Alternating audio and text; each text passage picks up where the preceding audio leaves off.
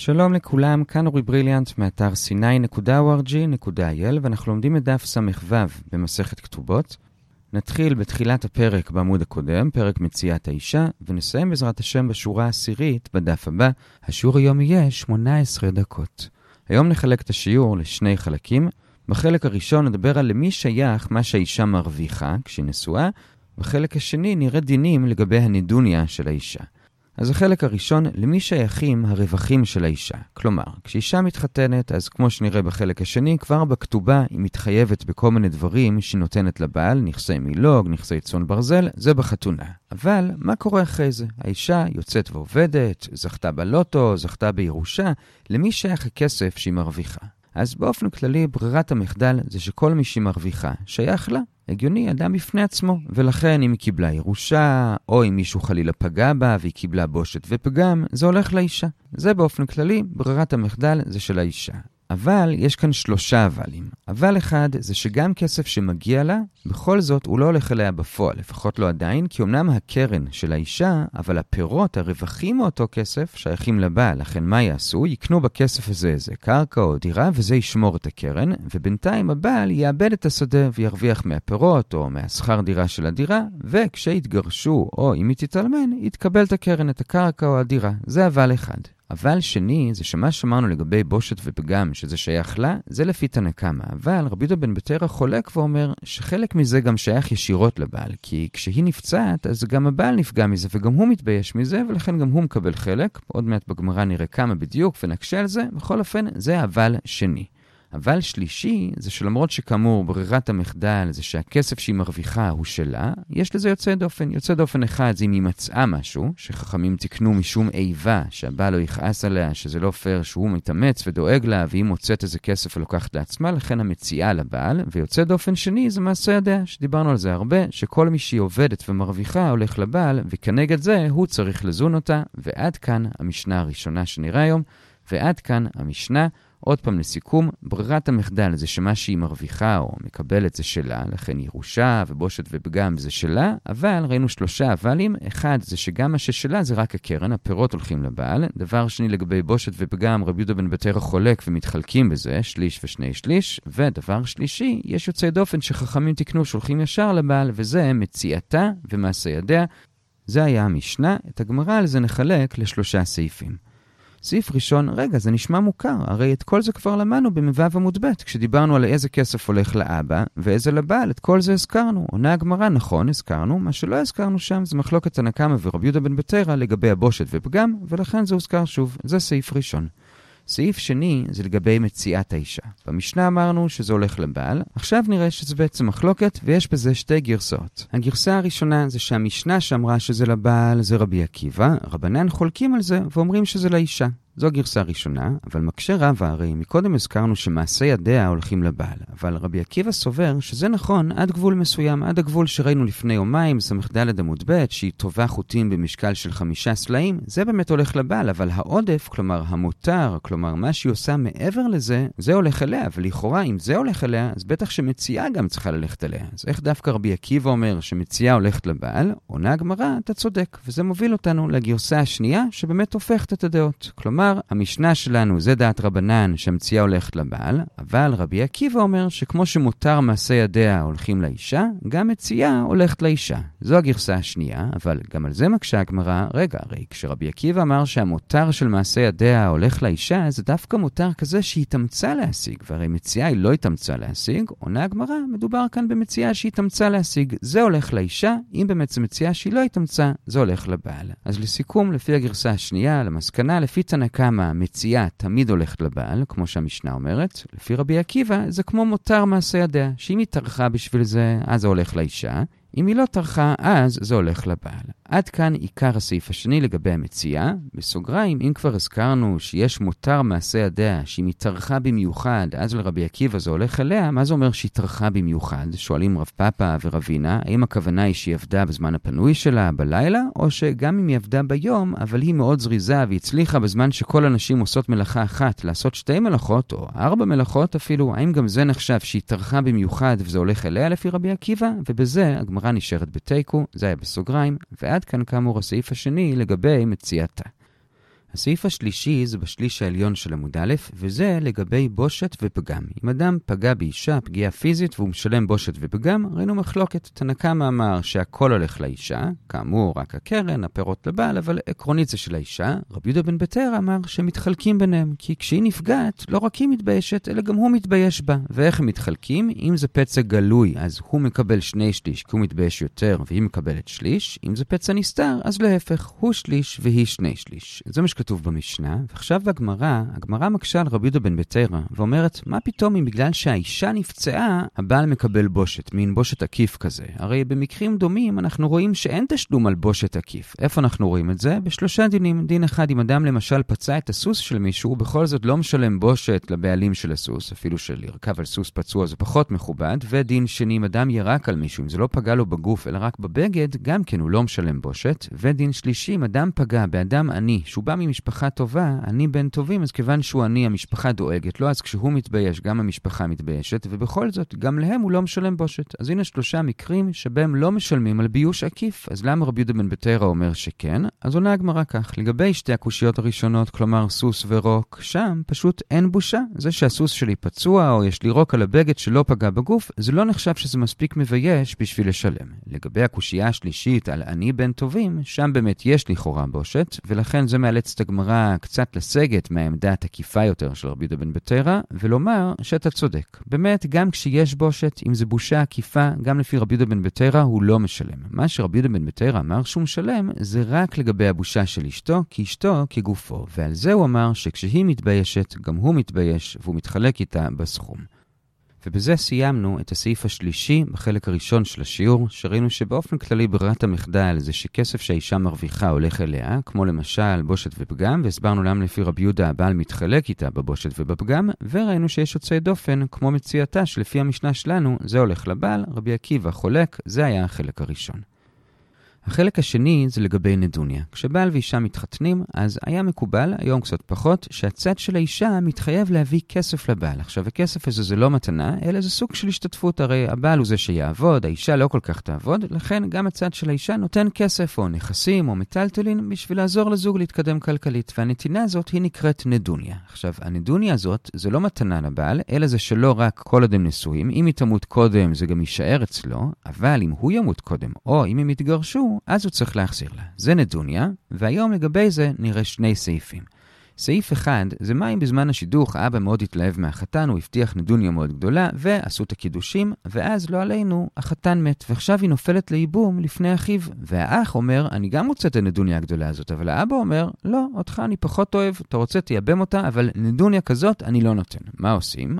עכשיו, אם האבא פתאום היה אומר את זה לבעל המקורי לפני הנישואים, אז לפי רוב הראשונים, אמנם זה לא יפה, והבעל יכול לקחת אותו לבית דין, לנסות לשכנע אותו, אבל בסופו של דבר, כל עוד הם לא נישאו עדיין, זכותו של האבא לחזור בו מהנדוני שהוא הבטיח, והחתן יצטרך להחליט אם הוא רוצה להמשיך עם זה או לא, או שהוא יישא אותה בתנאים החדשים, או שייתן לה גט, הוא לא יכול לעגן אותה. זה אם היה מדובר בבעל המקורי.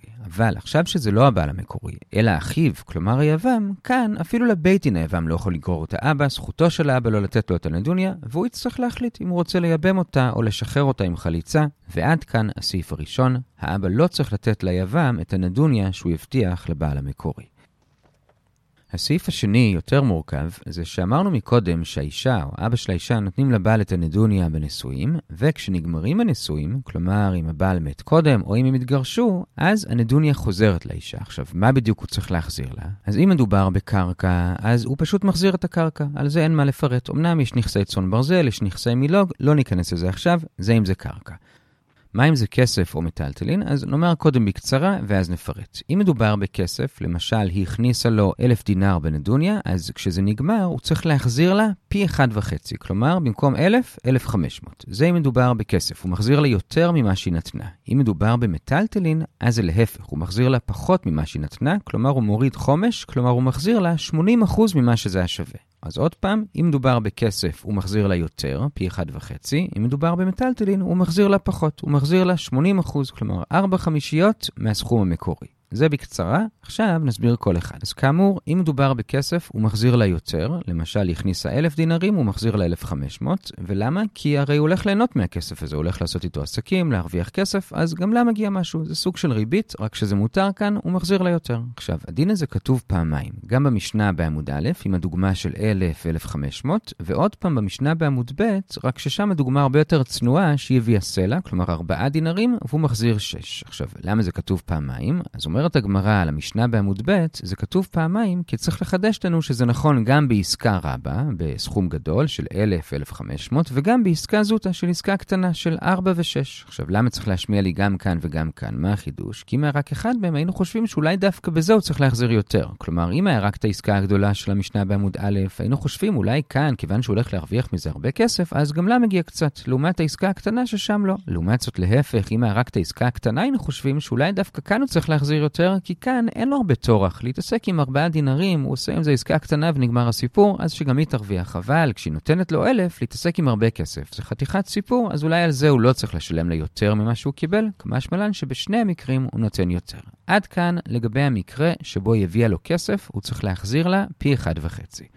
המקרה הבא זה שהיא הביאה לו מטלטלין, בשביל זה בואו נחזור לעמוד א', וכאן כאמור הוא צריך לתת לה רק 80% ממה שהוא קיבל. למה? אז כאן צריך להבדיל בין שני סוגי מטלטלין. יש מטלטלין שהיא הביאה שנועדו לשימוש, למשל, כמו שגם היום קצת נהוג, כשהאישה מביאה כנדוניה, שמיכות, כריות, זה מטלטלין שהולכים להשתמש בהם. אם הזמן יש בהם בלאי, אז הבעל לא ייהנה מהם כמו שהם היו שווים בהתחלה, ולכן כשהוא מחזיר את הכסף, הוא מחזיר קצת פחות, 80%. זה אם זה מטלטלין לשימוש. אם זה מטלטלין שנועדו לסחורה, כלומר, היא הביאה לו אוטו ששווה 100 והוא עכשיו מוכר את זה והולך לעשות עסקים עם הכסף, כאן הסיבה שהוא מחזיר פחות היא אחרת. וזה שכשנמצאים עכשיו בשמחת החתונה והאבא של האישה בא לחתן ואומר בוא תראה איזה אוטו יפה הבאתי לך הוא שווה 300 אלף שקל, מן הסתם האבא קצת מגזים בשומה בשביל להעלות את קרנה של הבת שלו בפני החתן, וממילא כיוון שההנחה היא שהוא הגזים, אז כשהבעל מחזיר הוא מחזיר קצת פחות, מורידים 20%.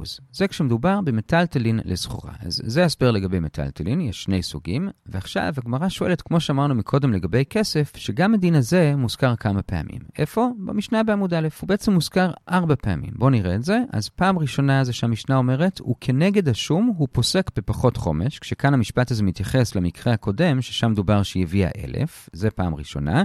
פעם שנייה ושלישית זה שתי דוגמאות שהמשנה מביאה, רק שבדוגמאות הסדר הוא הפוך. כלומר, במקום שקודם היא הביאה את המטלטלין ואז שמו אותם וכתבו בכתובה, עשו הפוך. קודם כתבו בכתובה ואז היא הביאה את המטלטלין. אז כשהיא מביאה, היא צריכה להביא יותר, כך שמה שכתוב יהיה חומש פחות ממה שהיא הביאה. כלומר, המשנה מביאה שתי דוגמאות. דוגמה אחת, כתבו בכתובה 100, אז היא צריכה להביא 125, וככה מה שכתוב, שזה 100, הוא חומש פחות מ-125. ודוגמה שנייה, כתבו בכתובה 400, אז היא צריכה להביא 500 בשביל שמה שכתוב 400 יהיה חומש פחות מה-500. אז אלה שתי הפעמים הנוספות שהמשנה מזכירה את אותו דין, עם שתי דוגמאות, והפעם הרביעית המשנה מסיימת עוד פעם בכלל. היא אומרת, מאוד דומה לאזכור הראשון של זה, מה שחתן פוסק, הוא פוסק פחות חומש. אלה ארבע הפעמים שהדין הזה מוזכר. עוד פעם, הפעם הראשונה והפעם הרביעית זה מובא ככלל. בפעם הראשונה כתוב הוא כנגד השום הוא פוסק בפחות חומש, וגם בפעם הרביעית מה שחתן פוסק הוא פוסק פחות חומש. שתי הפעמים האמצעיות זה דוגמאות 100 ו-125, 400 ו-500. וכאמור, השאלה היא, למה המשנה חוזרת על זה שוב ושוב ושוב? עונה הגמרא זה כתוב ארבע פעמים בשביל שתי מטרות. א', בשביל לחדש שהדין הזה נכון בשני הכיוונים, כלומר, גם בשומה דידי, המקרה הראשון והרביעי, שזה שקודם הביאו את המטלטלין ושמו אותם, ואחרי זה כותבים בכתובה חומש פחות, שזה המקרה הראשון והרביעי במשנה, וגם בשומה דידה, שזה המקרה השני והשלישי של הדוגמאות, ששם הכיוון הוא הפוך, שקודם כתבו ורק אחרי זה הביאה, אז היא צריכה להביא יותר בשביל שמה שכתוב יהיה פחות חומש. זה דבר אחד, לכן צריך את שתי הקבוצות של המקרים. עכשיו, דבר שני, למה בתוך כל קבוצה גם כן צריך שני מקרים? זה דומה למה שראינו מקודם, זה בא לחדש שבכל קבוצה זה נכון גם בשומה רבה וגם בשומה זוטה. כלומר, המקרה הראשון הוא מדבר על אלף, זה שומה רבה, המקרה הרביעי לא כתוב כמה זה, זה שומה זוטה, עסקה קטנה יותר, ואותו דבר גם בשתי הדוגמאות, גם שם, דוגמה אחת זה שומה קטנה של 100, ודוגמה שנייה זה שומה גדולה של 400. לכן צריך להזכיר את כל ארבע המקרים. ועד כאן לגבי כמה הבעל צריך להחזיר כשיביאה לו מטלטלין. אז בינתיים אמרנו מה הוא צריך להחזיר כשיביאה לו קרקע, הוא פשוט מחזיר את הקרקע, כשיביאה לו כסף הוא מחזיר פי אחד וחצי, וכשיביאה מטלטלין הוא מחזיר פחות חומש. עכשיו, דבר אחרון, בנוסף להתחייבות שהוא התחייב להחזיר את הקרקע, הכסף, המטלטלין שהוא קיבל בנדוניה, יש עוד דבר שהוא מתחייב אליו. אומרת המשנה בעמוד ב', נקרא בפנים, החתן מקבל עליו, כאמור, בנוסף לכל השאר, עשרה דינרים לקופה לכל מנה. כלומר, על כל 100 דינרים שהיא מביאה, לא משנה אם זה קרקע, מטלטלין, כסף, חוץ מזה שהוא צריך להחזיר, כמו שתיארנו עד עכשיו, הוא צריך להוסיף עוד עשרה דינרים על כל מאה, שאותם הוא לא מחזיר לה רק כשהנישואים מתפרקים, אלא כבר עכשיו הוא מתחייב להביא לה. ולמה? אומרת הגמרא, בשביל לקנות בושם. היא צריכה לזה הרבה כסף, הוא מתחייב לזה כבר בחתונה. זה הדבר הנוסף שהוא מוסיף, ועל זה נעיר שלוש הערות, ובזה נסיים. הערה אחת, אומר רב אשי, הסכום הזה של עשרה דינרים על כל מאה זה סכום גדול, אומר רב אשי זה דווקא בירושלים, ששם אנשים היו משתמשות בהרבה בושם, אבל במקומות אחרים, כל מקום לפי המנהג. זאת הערה אחת. הערה שנייה, במקרה שמדובר במטלטלין, וכאמור, אם למשל האישה הביאה 100, אז הבעל מתחייב רק ב-80, אז האם את המעשר של הדינרים לבושם שבעל צריך להוסיף, האם הוא נותן את זה מתוך המאה, מה שנקרא לפי הנישום, או מתוך השמונים, לפי המתקבל? זו שאלה אחת. ושאלה נוספת שואל רב אשי, איך הוא משלם את הדבר הזה? האם הוא משלם את זה באיזשהו מענק חד פעמי מיד אחרי החתונה, או שהוא מחלק את זה לאורך תקופה, ואם הוא מחלק את זה, אז איך הוא מחלק את זה? האם הוא מחלק את זה כל יום שביעית מהסכום משבעת הימים הראשונים, או אולי כל יום בחודש הראשון, או בשנה הראשונה, או בכל החיים? ועל כל השאלות האלו, הגמרא נשארת בתיקו, וזו הייתה הערה שנייה לגבי הבושם. הערה שלישית, ובזה נסיים, זה כבר באמצע עמוד ב', וכאן יש לנו קצת מנוחה, אם קצת אגדת, זה שאגב זה הגמרא מספרת על הבת של נקדימון בן גוריון, שאגב פגשנו אותה גם לפני יומיים, שכשבעלה מת והיא באה לבייטים שיגידו ליתומים מה לתת לה, אז בין השאר הם פסקו 400 זהובים לכל יום בשביל פסמים. והיא כעסה על זה, היא אמרה, זה קצת, כזה סכום תיתנו לבנות שלכם. והדיינים ענו בקצת הומור, אמן. כלומר, הלוואי שהיה לנו סכומים כאלו, כזכור, גם לפני יומיים היא ענתה תשובה דומה לגבי הכמות יין שפסקו לה, זה היה לגבי הבשמים. ואגב, זה הגמרא מספרת את הסוף העצוב של אותה בת, שרבי יוחנן בן זכאי מספר שלקראת החורבן הוא ראה אותה אוספת שעורים מבין גללי בהמות של ערבים, והוא שאל אותה, איפה הכסף של אבא שלך? איך הגעת למצב כזה? אז היא אמרה, הוא איבד אותו כי הוא לא נתן מספיק צדקה. צדקה שומרת על הממון, אז הוא שאל אותה, אבל איפה הכסף של חמיך? גם לא היה כסף, הוא כן היה נותן הרבה צדקה. אז היא אומרת, הממון של אבי איבד את הממון של חמי. כלומר, כנראה הם היו מעורבבים בעסקאות ביחד, אז כשאבא שלה נפל, גם השוור שלו נפל, ורבי יוחנן סיפר בעצב על איך שהוא נזכר שבכתובה שלה היה כתוב אלף אלפי זהובים, והוא סיים ואמר, אשריכם ישראל, שכשעושים רצונו של מקום, אין כל אומה שולטת בהם, אבל כשלא עושים, כמו שהיה באותו מצב אז, לקראת החורבן, אז נמסרים לשפלה שבאומות. זה הסיפור, ועל זה נוסיף עוד שני דברים. דבר אחד, הגמרא שואלת, א', הרי נקדימון דווקא כן היה נותן צדקה, מסופר שכשהוא היה הולך ברחוב, אז היו שמים לו בדים של צמר לרצפה, כמו שטיח אדום, בשביל שהוא לא ילך על האדמה עצמה, ואחרי שהוא עבר שם, אז היו נותנים לעניים לקחת את אותם בדים, אז זה סוג של צדקה, אבל עונה הגמרא, תשובה אחת, הוא עשה את זה לכבודו ולא באמת לטובת העניים. ותשובה שנייה, גם אם הוא נתן, הוא לא נתן מספיק לפי העושר שהיה לו, היה צריך לתת יותר. זאת הערה אחת. הערה שנייה, הגמרא מביאה שגם רבי אלעזר ברבי צדוק מספר שהיא אספה לא רק בירושלים, אלא הוא ראה אותה אוספת צהורים מתוך הגללים של הסוסים בעכו. והוא דרש עליה את הפסוק בשיר השירים, אם לא תדעי לך היפה בנשים, צאי לך בעקבי הצאן. כלומר, אם את לא תדעי את התורה, כלומר לא תקפידי לשמור את התורה, כלומר עם ישראל, אז צאי לך בעקבי הצאן. בסוף תגיעי למצב שאת אוספת אוכל מהגללים של בעלי חיים. עד כאן בסוגריים לגבי הבת של נקדימון בן גוריון, אחד מהשירי ירושלים, עם הסיום העצוב שלה. כל זה הובא אגב זה שהחתן גם מקבל עליו להביא עוד עשרה דינרים על כל מנה שהאישה הביאה, שהיא תשתמש בזה לבושם. ועד כאן החלק השני של השיעור, הפירוט של הנדוניה, ראינו שאם הוא הבטיח לחתן, הוא לא צריך להביא את זה גם ליבם, וראינו איך בדיוק הבעל מחזיר, אם הביאה קרקע הוא מחזיר קרקע, אם הביאה כסף הוא מחזיר פי אחד וחצי, אם היא הביאה מטלטלין הוא מחזיר 20% פחות. והגענו בזה לשורה העשירית בס"ז עמוד א', נעצור כאן ונחזור על מה שראינו. חילקנו היום את השיעור לשני חלקים. בחלק הראשון שאלנו למי שייכים ההכנסות של האישה, אמרנו שכברירת מחדל זה שייך לה, לכן אם היא ירשה או קיבלה בושת ופגם, זה הולך אליה, אמנם רק הקרן, הפירות לבעל, אבל עקרונית זה שלה, אבל יש יוצאי דופן שחז"ל תיקנו שכן הולכים לבעל ישירות, וזה אם היא מצאה משהו או מעשה ידיה, זה היה במשנה. את הגמרא חילקנו לשלושה סעיפים, סעיף ראשון, הרי כבר למדנו את כל זה במשנה במ"ו עמוד א', עונה הגמרא, נכון, אבל לגבי בושת ופגם יש מחלוקת שתנקמה אומר שהאישה מקבלת הכל, ורבי יהודה בן ביתר אומר שהם מתחלקים, זה לא הוזכר שם, לכן המשנה הובא כאן. סעיף שני, לגבי מציאתה, יש מחלוקת, ראינו שתי גרסאות, הגרסה שמתקבלת זה שהמשנה שלנו, שזה הולך לבעל, זה דעת רבנן, אבל רבי עקיבא אומר שאם מדובר במציאה שהיא מצאה בטורח, אז זה הולך לאישה, אם מציאה שהיא מצאה בקלות, אז לבעל, כמו שהוא אומר גם לגבי מותר מעשה בידיה. והסעיף השלישי לגבי בושת ופגם, כאמור, לפי רבי יהודה בן ביתרא גם הבעל מקבל, ושאלנו מה על ביוש עקיף מקבלים, הרי אם הוא בייש את הסוסה שלו, או ירק על הבגד שלו, או בייש עני בן טובים, אז הוא לא משלם לבעל הסוס, או לבעל הבגד, או למשפחה של העני בושת. עונה הגמרא, בסוס ובבגד זה פשוט כי אין בושת. לגבי העני, אתה צודק, ובאמת, כשרבי יהודה בן ביתרא חייב, הוא חייב דווקא בבעל ואישה, כי אשתו כגופו, וזה היה החלק הראשון. בחלק השני דיברנו על נדוניה וראינו שני סעיפים. בסעיף הראשון, אם האבא של הכלה התחייב לסכום מסוים לבעל, אם הבעל מת בין הקידושים לנישואים ועכשיו היבם רוצה את אותו סכום, אבא לא צריך לתת לו אפילו אם השני יותר תלמיד חכם, זה סעיף ראשון. סעיף שני, כשהאישה נותנת, בסוף הבעל צריך להחזיר, אם הבעל מת קודם או אם הם התגרשו, ומה הוא מחזיר? אז אם זה קרקע, הוא פשוט מחזיר את הקרקע, אם זה כסף, הוא מחזיר פי אחד וחצי, ואמרנו שזה נכון בין אם מדובר בעסקה גדולה, שזה המשנה בעמוד א' של אלף, ובין אם מדובר בעסקה קטנה, במשנה בעמוד ב' של ארבע, בכל מקרה הוא מחזיר פי אחד וחצי, ואם האישה הביאה מטלטלין, אז הוא מחזיר דווקא 80% פחות. ולמה? אם מדובר במטלטלין לשימוש זה כי יש בלאי, ואם מדובר על כי כשעושים את השומה.